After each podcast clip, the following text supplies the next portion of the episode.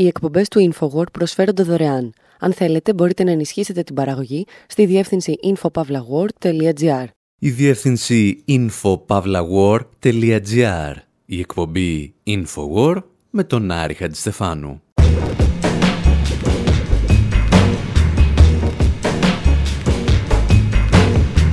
Όπου σήμερα αναρωτιόμαστε γιατί εν μέσω της μεγαλύτερης ενεργειακής και περιβαλλοντικής κρίσης στην ιστορία της ανθρωπότητας, τα αυτοκίνητα εξακολουθούν να μεγαλώνουν. Παρακολουθούμε την ιστορία της παγκόσμιας αυτοκινητοβιομηχανίας από την εποχή του Mini Cooper μέχρι των γιγαντιαίων SUV των Αμερικανικών λεωφόρων και υποπτευόμαστε ότι μέσα από αυτή την πορεία μπορούμε να καταλάβουμε δύο-τρία πράγματα για το κυρίαρχο οικονομικό σύστημα. Βλέπουμε τον David Bowie να σχεδιάζει και αυτό σε ένα μίνι, περίπου όπως είχε κάνει ένας μηχανικός από τη Σμύρνη, πάνω σε μια χαρτοπετσέτα. Συνειδητοποιούμε ότι κάθε αυτοκρατορία έχει τον δικό της τρόπο να διαχειρίζεται την κατάρρευσή της, άλλοτε με οικονομία και άλλοτε με σπατάλη.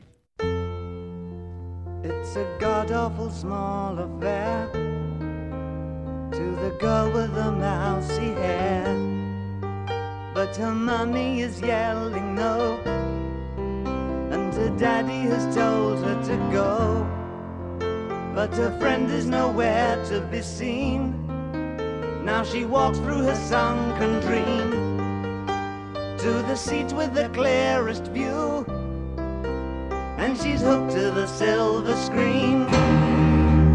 But the film is a sad thing for For she's lived it ten times or more She could spit in the eyes of fools As they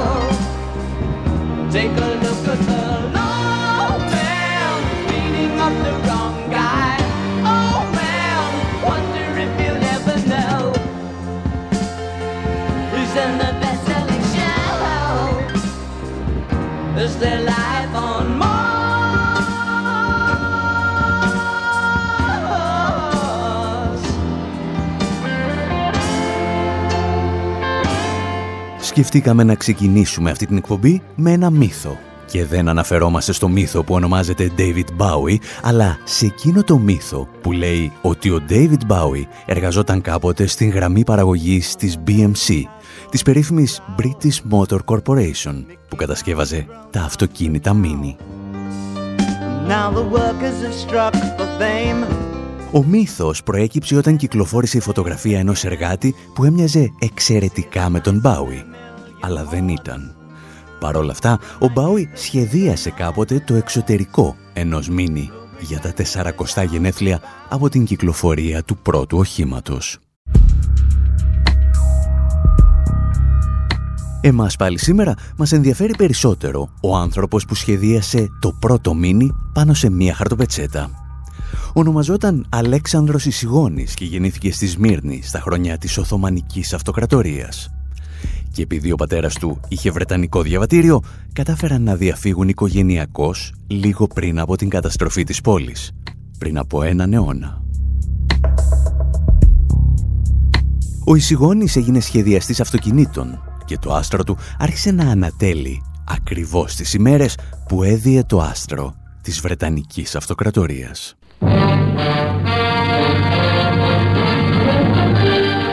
New Middle East crisis arises as President Nasser of Egypt tells a wildly cheering crowd in Alexandria that Egypt has seized the internationally owned Suez Canal.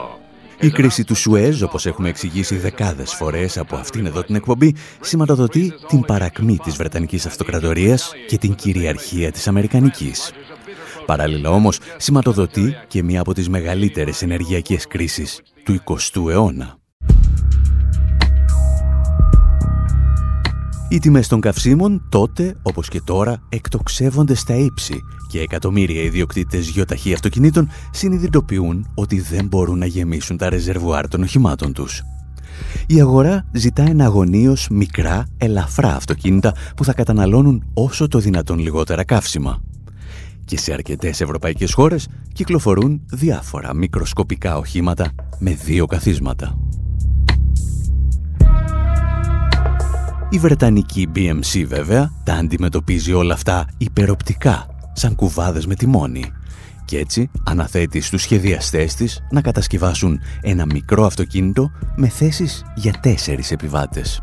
Και ο κλήρος πέφτει στον Αλέξανδρο Ισηγόνη, ο οποίος παίρνει μια χαρτοπετσέτα και σχεδιάζει ένα από τα θρηλυκότερα οχήματα στην ιστορία της παγκόσμιας αυτοκινητοβιομηχανίας. Και αν δεν μας πιστεύετε, τα έλεγε και ο ίδιος.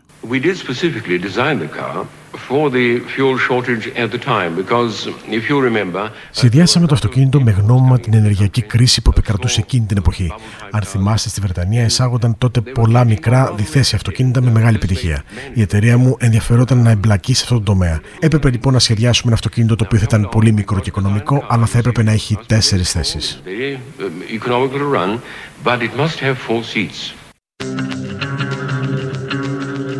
Προκειμένου να εξοικονομήσει χώρο και να μειώσει το βάρος, ο εισηγόνης αλλάζει μεταξύ άλλων τη φορά του κινητήρα και τη θέση του κυβωτίου ταχυτήτων. Και ίσως για πρώτη φορά στην ιστορία, τα διαφημιστικά φιλμάκια της BMC έλεγαν αλήθεια όταν χαρακτήριζαν το σχεδιασμό σαν πραγματική επανάσταση στο χώρο του αυτοκινήτου. Alex Isigoni, the brilliant designer, faced the task of producing a car with a better ratio of interior space to overall dimensions than had ever been attempted before. He and his team aimed at nothing short of the incredible. Παρά τα επαναστατικά σχεδιαστικά στοιχεία βέβαια, ο Ισηγόνης και η BMC δεν έκαναν τίποτα περισσότερο από το να ανταποκριθούν στις ανάγκες της εποχής τους. Εν μέσω μιας παγκόσμιας ενεργειακής κρίσης κατασκεύασαν ένα αυτοκίνητο χαμηλής κατανάλωσης. Μην πείτε ποτέ ότι το ακούσατε σε αυτή την εκπομπή, αλλά ο μεταπολεμικός καπιταλισμός έδειχνε να διαθέτει ακόμη μικροποσότητες λογικής στη λειτουργία του.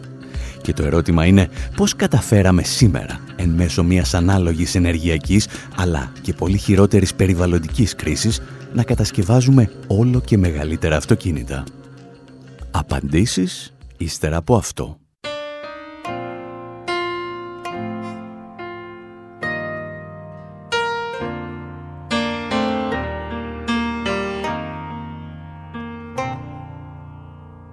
I've got a bright red sticker on the back of my car. Says United States Marines. And yesterday, a lady in a minivan held up her middle finger at me. Does she think she knows? Knows what I stand for or the things that I believe just by looking at a sticker for the U.S. Marines on the bumper of my SUV. Η αηδία που ακούτε είναι ένα από τα διασημότερα τραγούδια που έχουν γραφτεί τις τελευταίες δεκαετίες στις Ηνωμένες Πολιτείες για ένα αυτοκίνητο και συγκεκριμένα για ένα SUV. Το τραγουδά η Τσέλι Ράιτ, έχοντας συνήθως ως φόντο την αστερόεσα και διηγείται μια προσωπική ιστορία.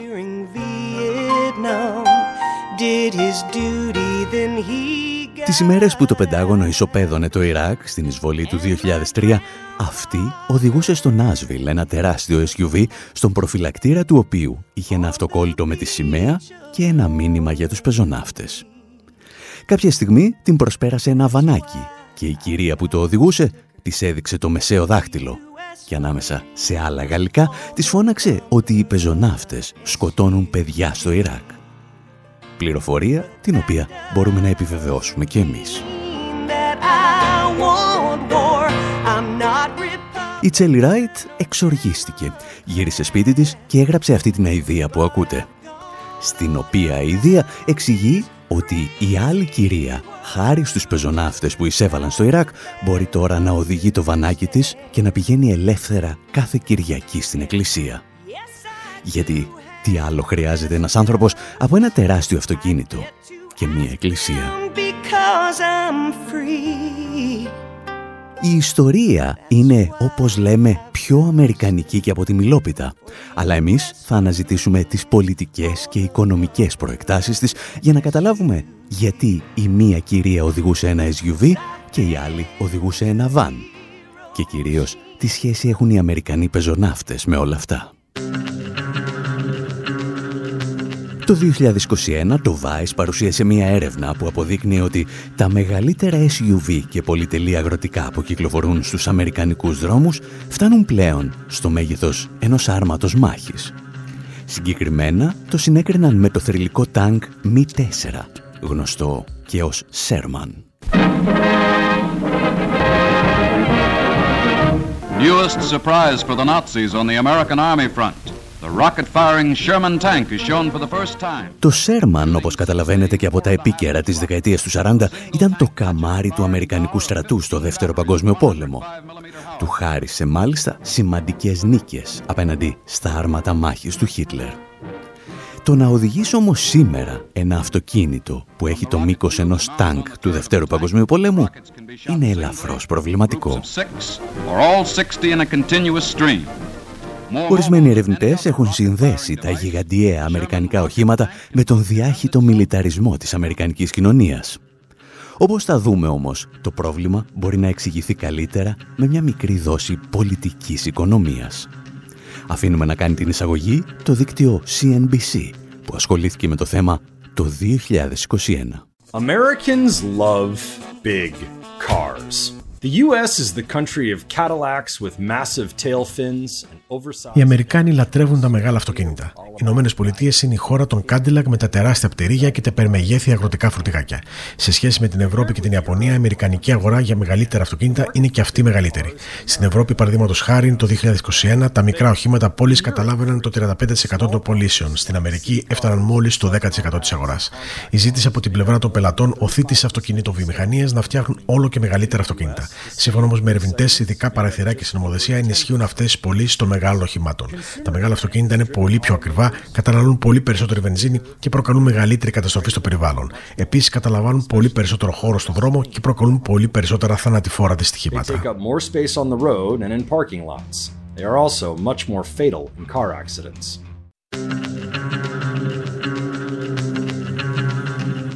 Η ανάλυση του CNBC είναι σε γενικές γραμμές σωστή, αλλά παρουσιάζει δύο αντικρουόμενες απόψεις. Από τη μία, ότι η αυτοκινητοβιομηχανία κατασκευάζει όλο και μεγαλύτερα οχήματα γιατί αυτό ζητούν οι πελάτες και από την άλλη, ότι το κράτος οθεί τους πελάτες να αγοράζουν μεγαλύτερα οχήματα. Εμείς θεωρούμε ότι ισχύει περισσότερο το δεύτερο και αφήνουμε το CNBC να εξηγήσει πώς ακριβώς το Αμερικανικό κράτος και οι δυνάμεις της αγοράς οθούν στην κατασκευή και κυκλοφορία γιγαντιαίων οχημάτων. SUVs, crossovers, and pickup trucks now dominate car sales. Some researchers say that regulations have incentivized... Τα SUV, τα crossover και τα αγροτικά φορτηγάκια κυριαρχούν πλέον στις πωλήσεις του αυτοκινήτων στις ΗΠΑ. Ορισμένοι ερευνητές υποστηρίζουν ότι η νομοθεσία έδωσε κίνητρα στα βιομηχανία να κατασκευάζει μεγαλύτερα οχήματα. Η Kate Whitefoot είναι μια ερευνήτρια που εξετάζει την νομοθεσία σε σχέση με τις εκπομπές καυσαερίων. Όπως εξηγεί, τη δεκαετία του 1970 ξένες εταιρείες εισήγαγαν μικρότερα αυτοκίνητα στην Αμερική, τα οποία κατανάλωναν λιγότερα καύσιμα. Έτσι, τη δεκαετία του 2000 εισήχθη νέα νομοθεσία για το λεγόμενο αποτύπωμα εκπομπής καυσαερίων. Αυτό σήμαινε ότι η νομοθεσία ήταν πιο χαλαρή για όσους πουλούσαν μεγαλύτερα οχήματα. Και αυτό γινόταν για να προστατευτούν οι αμερικανικές αυτοκινητοβιομηχανίες από τον ανταγωνισμό. Η νέα νομοθεσία ευνοεί τα μεγάλα οχήματα με πολλούς τρόπους. Καταρχήν, όσο μεγαλύτερο το αυτοκίνητο, τόσο χαμηλότερα τα στάνταρ που έπρεπε να ικανοποιούν οι εταιρείες. Επίσης, αν το αυτοκίνητο είναι πολύ μεγάλο, δεν ισχύει γι' αυτό κανένας περιορισμός, αφού πάβει να ανήκει στα ελαφρά οχήματα και εντάσσεται στην κατηγορία βαρέων οχημάτων. It is now considered a heavy truck. Η κατασκευή λοιπόν όλο και μεγαλύτερων οχημάτων δεν οφείλεται στο αόρατο χέρι της αγοράς, ούτε στον μιλιταρισμό των Αμερικανών πολιτών. Απλώς η Αμερικανική αυτοκινητοβιομηχανία επέβαλε στο Αμερικανικό κράτος να υιοθετήσει νόμους που θα ευνοούσαν τα μεγάλα οχήματα, γιατί εκεί υπήρχε το συγκριτικό πλεονέκτημα σε σχέση με τον ανταγωνισμό από την Ευρώπη και την Ασία. Και έτσι εκατομμύρια πολίτες στις Ηνωμένες Πολιτείες βρέθηκαν να οδηγούν κάτι ανάμεσα σε ντάτσουν με καρπούζια και σε ένα άρμα μάχης. Ναι, θα πει κάποιος, αλλά μπορεί τα άρματα μάχης που οδηγούν οι Αμερικανοί να καταστρέφουν το περιβάλλον να είναι πιο ακριβά και να καταναλώνουν πολλαπλάσια ποσότητα καυσίμων, αλλά τουλάχιστον είναι ασφαλή. Σωστό; Λάθος. Γιατί τα SUV, τα crossover και τα pickup trucks ευθύνονται για τρομακτική αύξηση θανάτων στους αμερικανικούς δρόμους και σταδιακά και στους ευρωπαϊκούς. Since the mid 1990s, pickup truck weight on average has increased over 1,000 pounds. Από τη δεκαετία του 90, το βάρος στα ανοιχτά φορτηγάκια έχει αυξηθεί κατά περίπου 500 κιλά κατά μέσο όρο. Έρευνες έδειξαν ότι αν το βάρος ενός αυτοκινήτου αυξηθεί κατά μισό τόνο, το ποσοστό των θανατηφόρων δυστυχημάτων αυξάνεται κατά 40 έως 50%. Ορισμένα ανοιχτά φορτηγάκια έχουν τυφλάσει σημεία στο μπροστινό μέρος που είναι 3,5 μέτρα μεγαλύτερα από ένα κανονικό αυτοκίνητο και περίπου 2 μέτρα μεγαλύτερα από ένα SUV. Than in some sedans and seven feet longer than in, in a lot of popular SUVs. Προφανώς, εάν όλοι γύρω σου οδηγούν τάγκ, για να αισθάνεσαι και εσύ ασφαλής, ακόμη και αν δεν είσαι, θα πρέπει να αγοράσεις και εσύ ένα άρμα μάχης. Και έτσι δημιουργείται ένας φαύλος κύκλος. Με μια πρώτη ανάλυση θα λέγαμε ότι είναι ένα πρόβλημα κοινωνικού μιμητισμού. Όπως είδαμε όμως, η ρίζα του προβλήματος ξεκινά από μια απόφαση των αυτοκινητοβιομηχανιών, η οποία επιβλήθηκε μέσω του κρατικού μηχανισμού. Και αν εμείς διηγούμαστε ιστορίες για μεγάλα αυτοκίνητα, είναι γιατί πιστεύουμε ότι εδώ και έναν αιώνα η τάση στην αυτοκινητοβιομηχανία είναι ο καλύτερος καθρέφτης για την πορεία του καπιταλιστικού συστήματος. Εσείς πάλι μένετε εδώ, γιατί ύστερα από ένα μικρό διάλειμμα επιστρέφουμε με περισσότερες ιστορίες του δρόμου.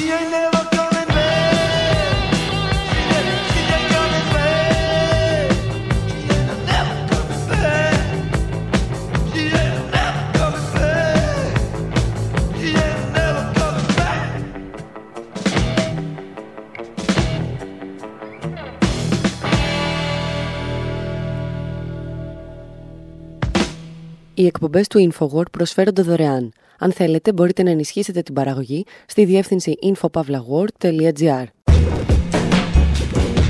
Εκπομπή InfoWord, μέρος δεύτερο.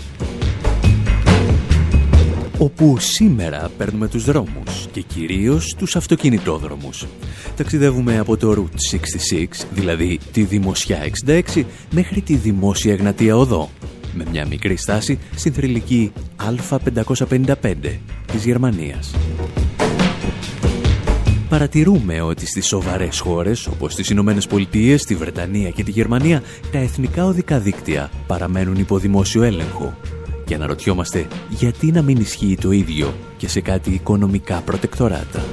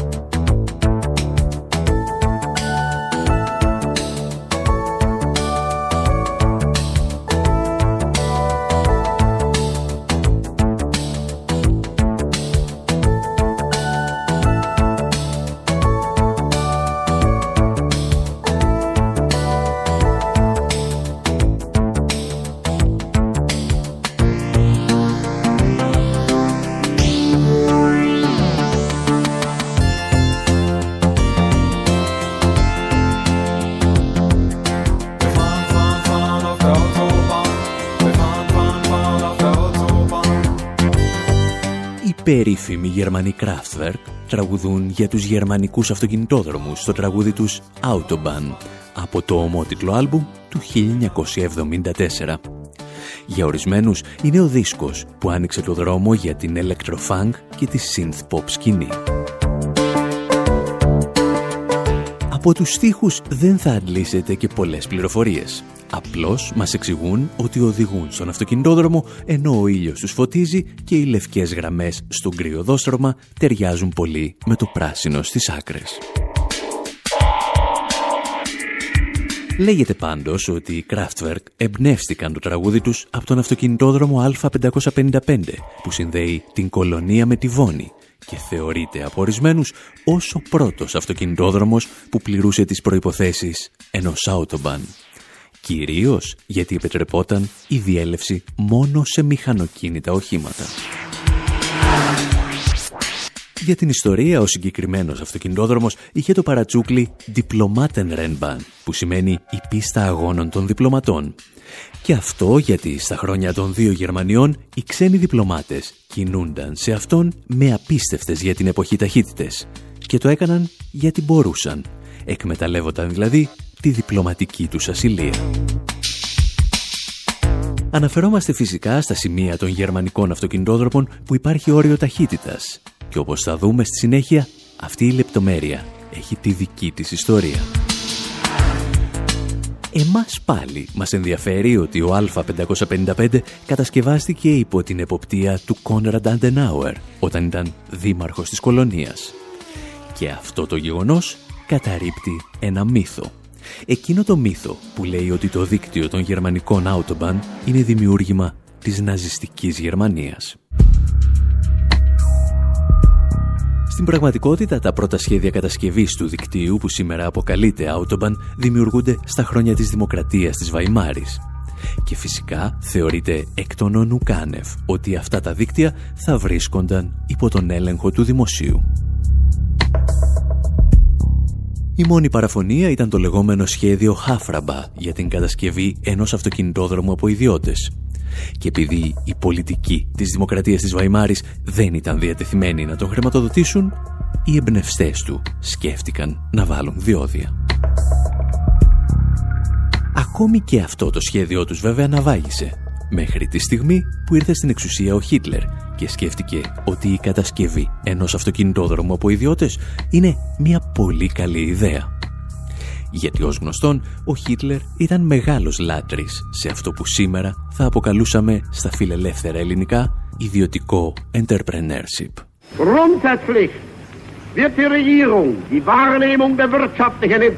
Η κυβέρνησή μας θα προστατεύσει τα συμφέροντα του λαού όχι με την κρατική γραφειοκρατία, αλλά με την υποστήριξη της ιδιωτικής πρωτοβουλίας.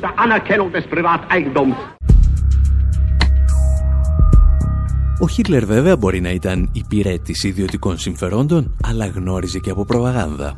Καταλάβαινε λοιπόν ότι με ιδιωτικούς αυτοκινητόδρομους θα γελούσαν μαζί του, ακόμη και οι δυνάμεις του άξονα. Γι' αυτό θέλησε να κλέψει κάτι από το κύρος των νέων γερμανικών αυτοκινητοδρόμων για τον εαυτό του και το κόμμα του. Ούτως ή άλλως τα σχέδια κατασκευής αυτοκινητόδρομων από ιδιώτες ναυαγούσαν το ένα μετά το άλλο και έτσι οι γερμανικοί αυτοκινητόδρομοι παρέμειναν υπό τον έλεγχο του δημοσίου. Ο πρώτος Γερμανός πολιτικός που θα τολμούσε να αμφισβητήσει στα σοβαρά το ρόλο του δημοσίου ήταν ο γνωστός και αγαπημένος μας κύριος Σόιμπλε και όπως θα ακούσουμε το πλήρωσε ακριβά. Αυτά όμως εντός ολίγου.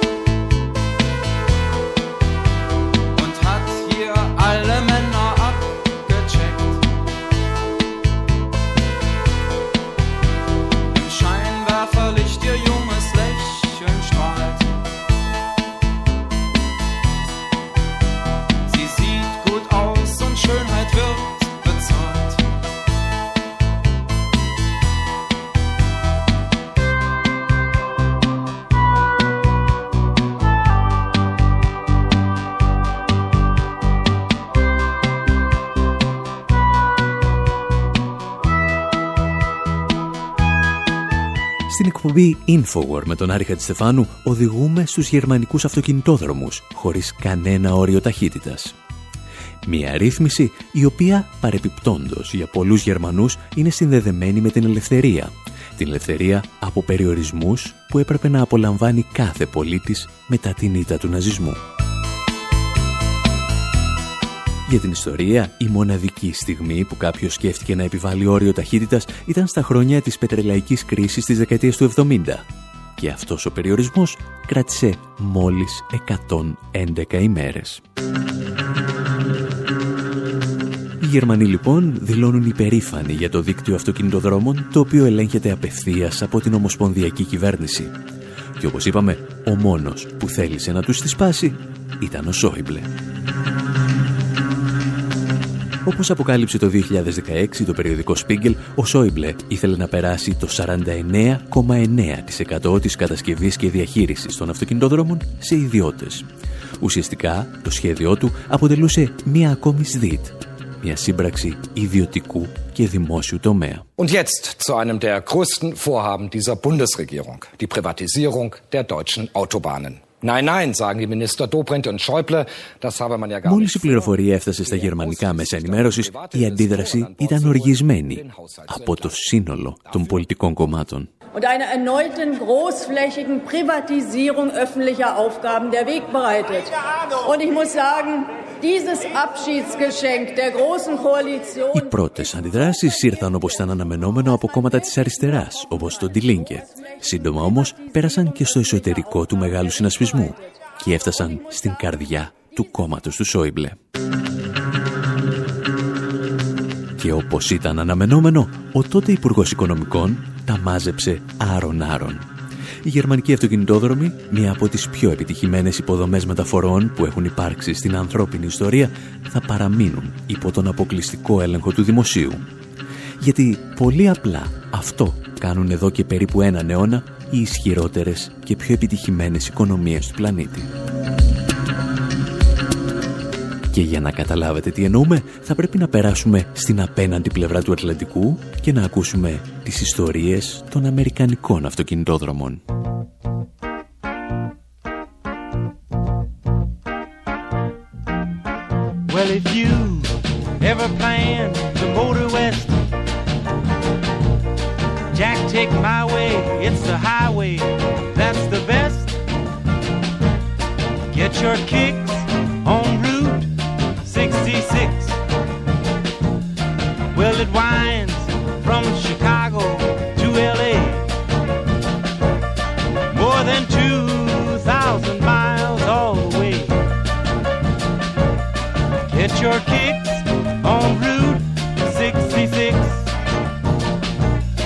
Well, it goes through St. Louis, Joplin, Missouri, Oklahoma City looks so, so pretty, you see. Amarillo, a Gallup, New Mexico, Flagstaff, Arizona. Don't forget Winona, Kingsman, Barstow, San Bernardino. Won't you get hip to this kindly tip and take that California trip? Get your kicks on Route 66. Εάν ποτέ αποφασίσεις να οδηγήσεις δυτικά, ακολούθησε το δικό μου δρόμο, τον αυτοκινητόδρομο, τραγουδά ο Τσακ Μπέρι. Ένα τραγούδι του Bobby Troop για τον αυτοκινητόδρομο 66, το Route 66. Αυτό το ασφάλτινο φίδι μήκους 4.000 χιλιόμετρων που δόθηκε στην κυκλοφορία πριν από 9 δεκαετίες, τον Οκτώβριο του 1926, ήταν ένας από τους πρώτους αμερικανικούς αυτοκινητόδρομους που κατασκευάστηκαν από την Ομοσπονδιακή Κυβέρνηση.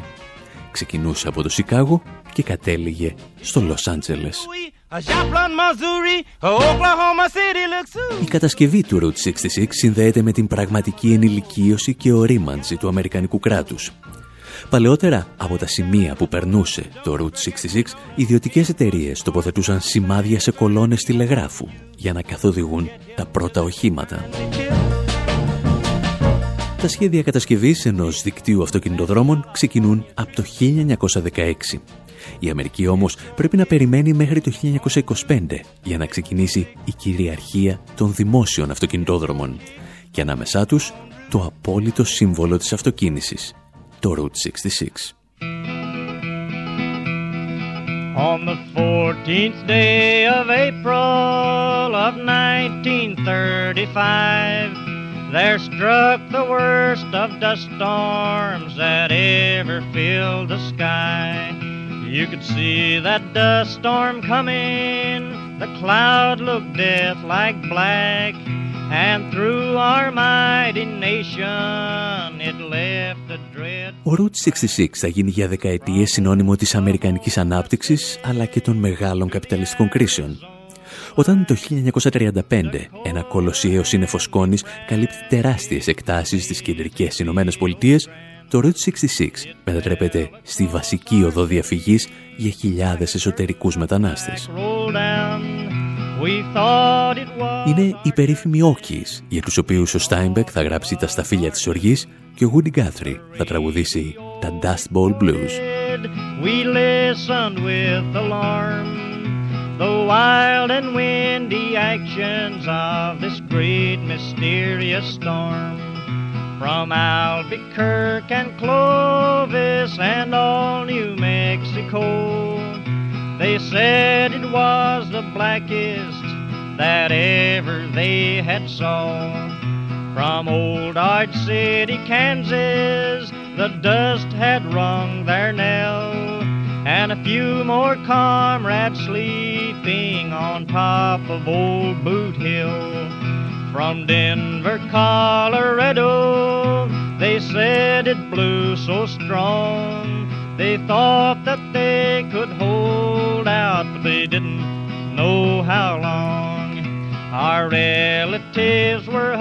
Ο υπόλοιπος πλανήτης θα γνωρίσει το Route 66 στα τέλη της δεκαετίας του 40, μέσα από εντελώς διαφορετικούς ήχους. Οι Ηνωμένε Πολιτείες δεν είναι πλέον το θύμα ενός οικονομικού κράχ. Είναι ο νικητής του Δευτέρου Παγκοσμίου Πολέμου, η ανερχόμενη υπερδύναμη του 20ου αιώνα. Ο Bobby Troop, όπως είπαμε, συνθέτει το 1946 το θρηλυκό πλέον Route 66 και το παραδίδει σε ένα θεό της jazz για να το ηχογραφήσει, τον Nat King Cole.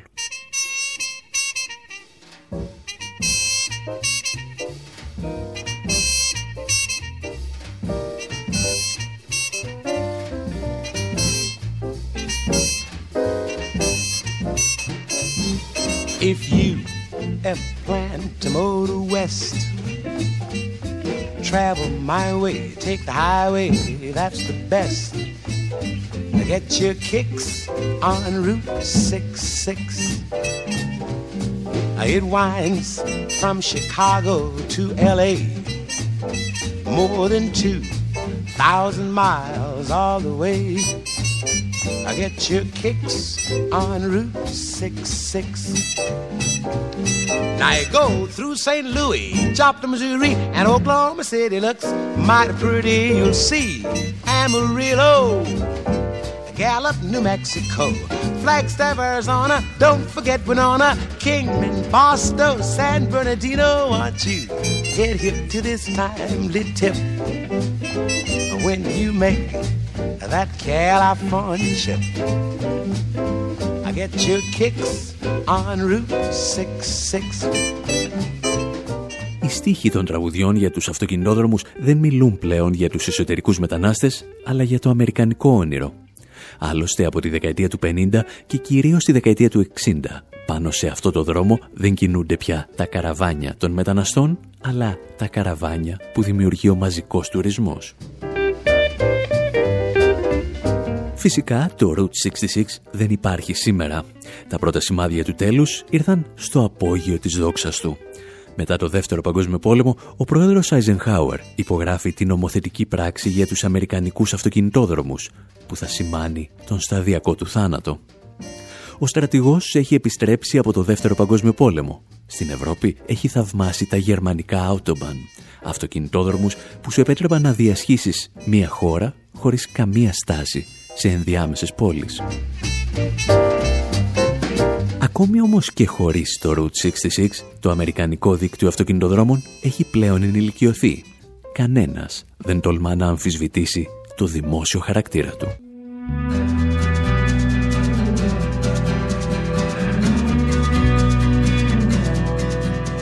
Από τον Άρη Χατζηστεφάνου στο μικρόφωνο και τον Δημήτρη Σταθόπουλο στην τεχνική επιμέλεια, γεια σας και χαρά σας.